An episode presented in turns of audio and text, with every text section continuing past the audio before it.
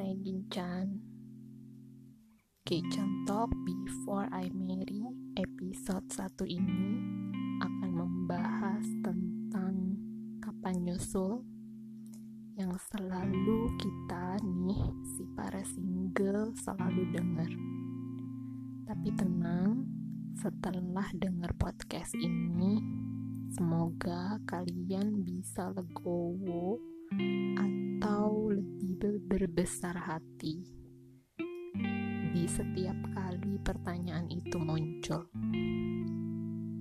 Karena pasti udah sering ya dengar pertanyaan itu di acara keluarga, di kondangan, atau di acara hari besar keagamaan misalnya. Mungkin mereka yang nanya itu maksudnya basa-basi, tapi kalau buat kita yang single tuh bisa jadi stres kan ya tiap ditanyain kayak gitu. Makanya nih sekalian juga pengen ngasih tahu buat kalian yang udah nikah please banget untuk stop nanya kapan nyusul. Soalnya kan sebenarnya masih banyak ya pertanyaan basa-basi lain yang bisa diomongin kayak misalnya nih gimana sehat? Apa kabar? Atau misalnya lagi sibuk apa? Atau ya kalau nggak mau basa-basi nih tinggal senyum aja. Karena sebenarnya kan kalau dipikir-pikir pun nanya kapan nyusul ini tuh gak bakal ada jawabannya. Kecuali mereka nanya sama orang yang udah cetak undangan. Soalnya itu kan jadi kayak nanya takdir Tuhan ya. Kita aja nggak tahu kapan beneran nyusul mereka untuk nikah. Ya terus gimana? Mau jawabnya juga kan? Terus yang udah ada tanggal nikah pun masih bisa batal. Apalagi yang masih single ibaratnya belum ketemu calonnya sama sekali. Lah jawabnya mau kayak gimana? Jadi menurut saya memang sih nggak adil kalau misalnya yang nikah cuma basa-basi nih nanya kapan nyusul atau kapan nikah. Kesannya tuh yang single-single ini beneran harus cepetan cepetan cepetan gitu untuk ngikutin jejaknya mereka. Padahal di zaman sekarang ini pun udah banyak juga nih para single yang emang sengaja milih untuk gak nikah. Ya itu hak mereka. Males pacaran lah, males cari pendamping baru lah, trauma lah, yaitu pilihan mereka. Dan gak sepantasnya orang luar ikut campur urusan pribadi. Tapi ya harap dimaklum aja nih, memang orang-orang di negara ini kan masyarakatnya kekeluargaan sekali ya. Jadi suka pengen ikut-ikutan gitu sama urusan orang. Tapi cobalah diganti pertanyaannya jadi tawaran misalnya kayak nawarin saya ada temen nih masih single juga mau dikenalin gak gitu. Itu kan lebih enak ya didengarnya. Karena kita juga nggak tahu kan kondisi kejiwaan seseorang saat ditanya kapan nyusul gimana nih kalau misalnya dia lagi stres banget lagi banyak pikiran lagi down wah bisa-bisa yang ditanyain bakalan ngamuk ya paling enggak ngeliatin muka bete lah dan lagi ya gimana nih kalau misalnya coba bayangin kalau si single ini pada akhirnya capek dan bosan ngelayanin pertanyaan-pertanyaan kapan nyusul, kapan nikah. Ayo dong cepetan nikah, jangan sendiri mulu misalnya. terus dia beneran malah jadi kepikiran dan jadinya malah nikah sama siapa aja yang dia temuin yang ada dan milihnya asal-asalan gak pakai milih bahkan mungkin. Terus sampai akhirnya dia beneran nikah. Eh gak taunya pernikahannya malah gak bahagia atau jelek-jeleknya buruk-buruknya nih dia cerai itu kan secara gak langsung mereka-mereka yang nanya atau yang maksa-maksa nih tentang kapan nikah, kapan nyusul, itu tuh udah ikut berkontribusi bikin hidup orang jadi menderita loh. Jadi hati-hati banget ya. Sebenarnya sih yang ngomong apa aja juga harus hati-hati, harus dipertimbangkan. Terutama yang nanya kapan nyusul ini.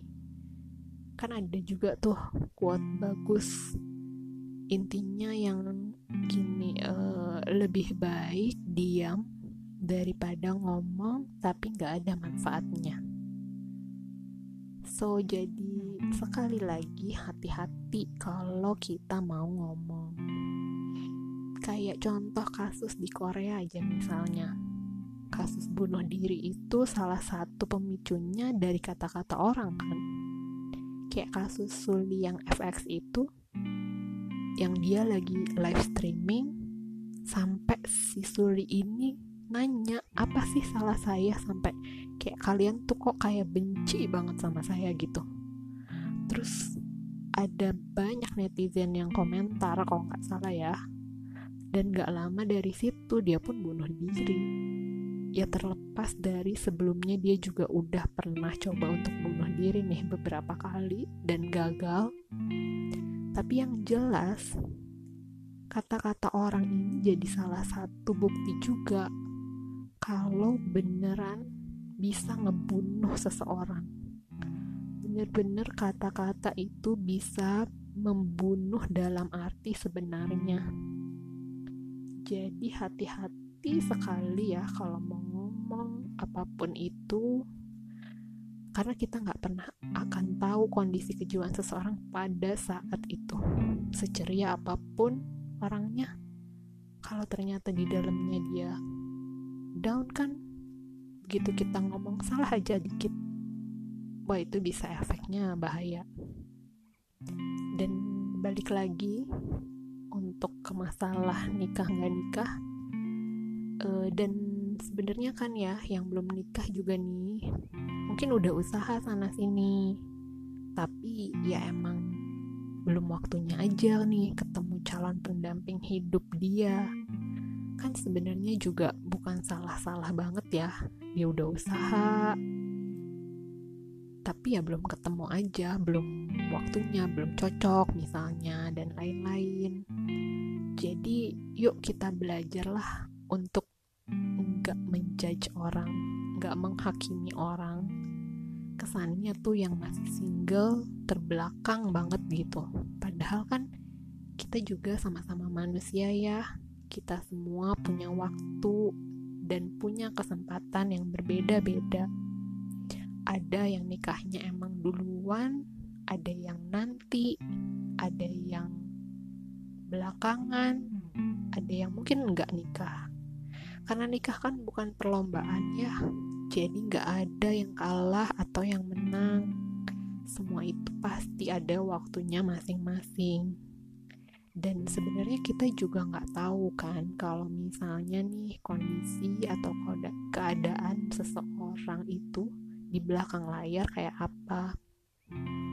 Sedekat apa pun kita nih sama teman kita pasti pasti banget akan ada rahasia yang orang lain gak tahu. Dan mungkin nih yang single ini masih punya tanggungan keluarga misalnya. Jadi ibaratnya dia nih boro-boro mau mikirin nikah. Tanggung jawab dia aja masih belum terpenuhi buat keluarga dia. Atau mungkin orang yang punya trauma yang dia nggak bisa move on, butuh waktu bertahun-tahun untuk ya bangkit lagi. Karena kan orang beda-beda ya ketahanan traumanya gitu.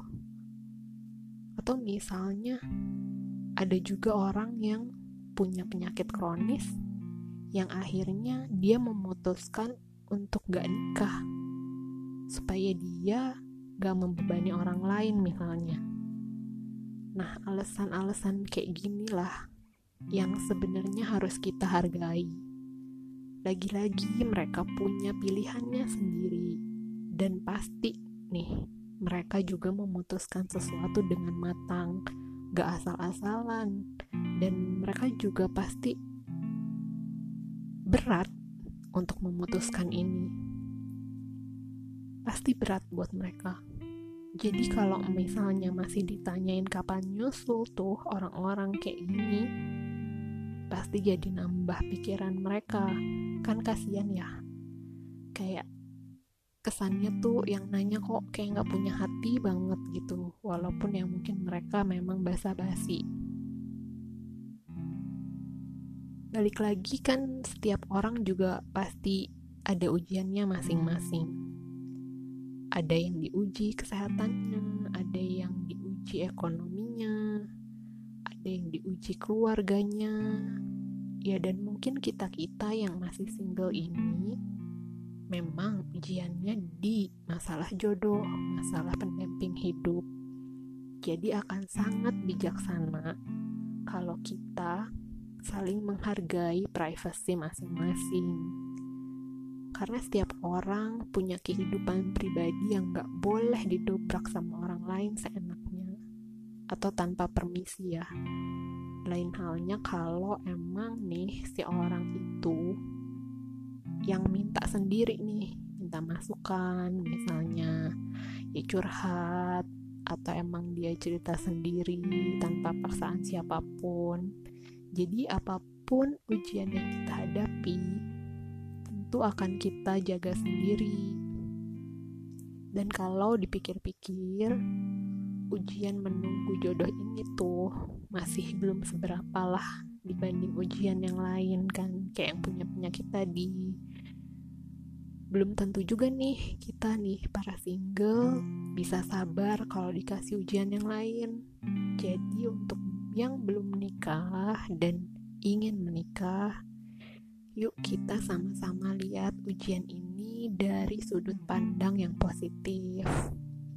Mungkin emang persiapan nikah kita masih kurang, atau mungkin ilmu kita juga masih kurang, atau niat nikah kita yang sebenarnya belum kuat-kuat banget dan kita kayak masih dikasih kesempatan juga nih untuk puas-puasin waktu kita sendiri masih dikasih kesempatan juga untuk berbakti sama orang tua. Coba deh suka dengar kan kayak cerita cerita nyata nih tentang anak-anak yang pada menyesal karena waktunya itu dihabisin di luar rumah. Main lah gimana lah. Dan pas orang tuanya meninggal mereka berharap bisa ngulang waktu. Nah ini tuh jadi pelajaran berharga lah buat kita yang masih punya waktu buat bantuin orang tua ngebahagiain mereka dari hal-hal kecil aja. Misal kayak um, beliin makanan kesukaan mereka mijetin misalnya. Karena pasti dong nanti setelah nikah mungkin kita tinggalnya tuh jauh mungkin di luar negeri di luar kota dan fokus kita juga berubah kan karena kita punya rumah tangga sendiri nanti punya anak segala macem. Dan orang tua tentunya bakal jarang kita kunjungi. Orang tua jadi jarang diperhatiin gitu. Jadi yuk kita manfaatkan waktu single kita ini untuk mereka dulu deh. Kayak tahun lalu tuh pernah nih saya juga ngerasain uh, papa saya dirawat di rumah sakit tuh kira-kira dua bulanan karena stroke. Terus tante saya sempat bilang kayak gini, uh, intinya sih untung ya uh, masih ada kamu di rumah jadi bisa gantian jaga sama si mama gitu masih bisa bolak-balik ke rumah bawain baju atau beliin makanan kucing-kucing di rumah juga jadi ada yang jagain kan kebayang ya kalau misalnya saya udah nikah nih terus masih punya bayi misalnya kan mana bisa ya bolak-balik seenaknya gitu ke rumah sakit. Terus saya harus ninggalin suami misalnya. Kan jadi pusing tuh gimana cara bagi waktunya. Jadi bisa kelihatan nyata ya kalau kita lihat sesuatu dari sisi positifnya pasti ada yang lebih positif gitu daripada mikirin kok saya nggak nikah nikah gitu kan. Dan emang nih ujian itu kan pasti ada alasannya. Pasti ada pelajarannya kalau kita mau ngambil hikmahnya. Ujian itu juga kan emang harusnya kayak gitu bentuknya jadi semuanya emang udah diatur kayak gitu. Dan ya emang kalau belum waktunya ya belum. Dan pasti semua ujian itu pasti yang terbaik untuk kita. Pembelajaran kita makanya sebaik-baik orang itu orang yang belajar dari apa yang terjadi dalam hidupnya. Jadi yang belum nikah yuk kita sama-sama tenangkan diri biarinlah misteri jodoh ini terjawab dengan sendirinya. Kita nggak usah ikutan pusing karena nikah itu pun kan termasuk ke fase hidup ya. Jadi emang mungkin gak semua orang masuk nih ke fase ini. Ada yang duluan memang ada yang belakangan juga atau malah enggak nikah nih sama sekali kayak misalnya mereka-mereka yang meninggal dunia masih anak-anak. Mereka lewat fase sekolah aja kan enggak ya apalagi nikah. Jadi kita masih ter termasuk nih beruntung lah bisa sampai sejauh ini. Umur manusia juga kan gak ada yang tahu ya. Jadi kalau emang belum waktunya ya kita harus sabar dulu. Kayak lagi antri mau naik bis gitu kali ya tujuannya udah tahu nih kita mau ke mana. Tapi bisnya tuh belum datang-datang juga. Dan mungkin aja nih bisnya ternyata mogok di jalan kena macet lah atau kehalangin karena ada kecelakaan lah. Kita nggak tahu. Dan kita nggak bakal tahu apa yang dalam perjalanan ya kan? Tapi yang pasti untuk sampai ke tujuan kita punya banyak pilihan. Kita bisa sabar nunggu nunggunya ya sambil berdiri sambil duduk ngomongin orang lain lah atau baca buku misalnya. Atau malah mungkin kita memutuskan untuk balik lagi aja ke rumah nggak jadi pergi. Ya itu kan pilihan. Dan tiap pilihan pasti ada konsekuensinya. Ada positifnya ada negatifnya jadi nggak ada yang mutlak benar atau mutlak salah. Kecuali haram dan halal yang udah jelas ya aturannya. Mulai sekarang kita nggak usah pusing lagi. Nggak usah stres lagi nih buat para single. Kalau ada yang nanya kapan nyusul? Jawab aja pakai ya candaan lah bercanda-bercanda gitu. Misalnya kayak kapan nyusul uh, tunggu ya jodoh saya lagi di jalan belum sampai gitu. Atau misalnya nih jawab aja. Uh, ditunggu ya undangannya nanti saya kirim gitulah. Pokoknya jawab-jawab bercanda aja sesuka kamu lah dengan humor supaya ke kitanya juga nggak jadi beban nggak jadi pusing nggak jadi stres. Karena kan yang sanggup ngontrol emosi kita ya kita sendiri jadi anggap aja tuh mereka emang nanya basa-basi. Beneran gak ada ide buat ngobrol. Tapi ya tentunya sih saya harap sih udah gak ada lagi lah ya yang nanya kapan nyusul atau kapan nikah. Kita move on aja lah. Kita perbaiki diri bareng-bareng. Jadi pribadi yang lebih baik lagi.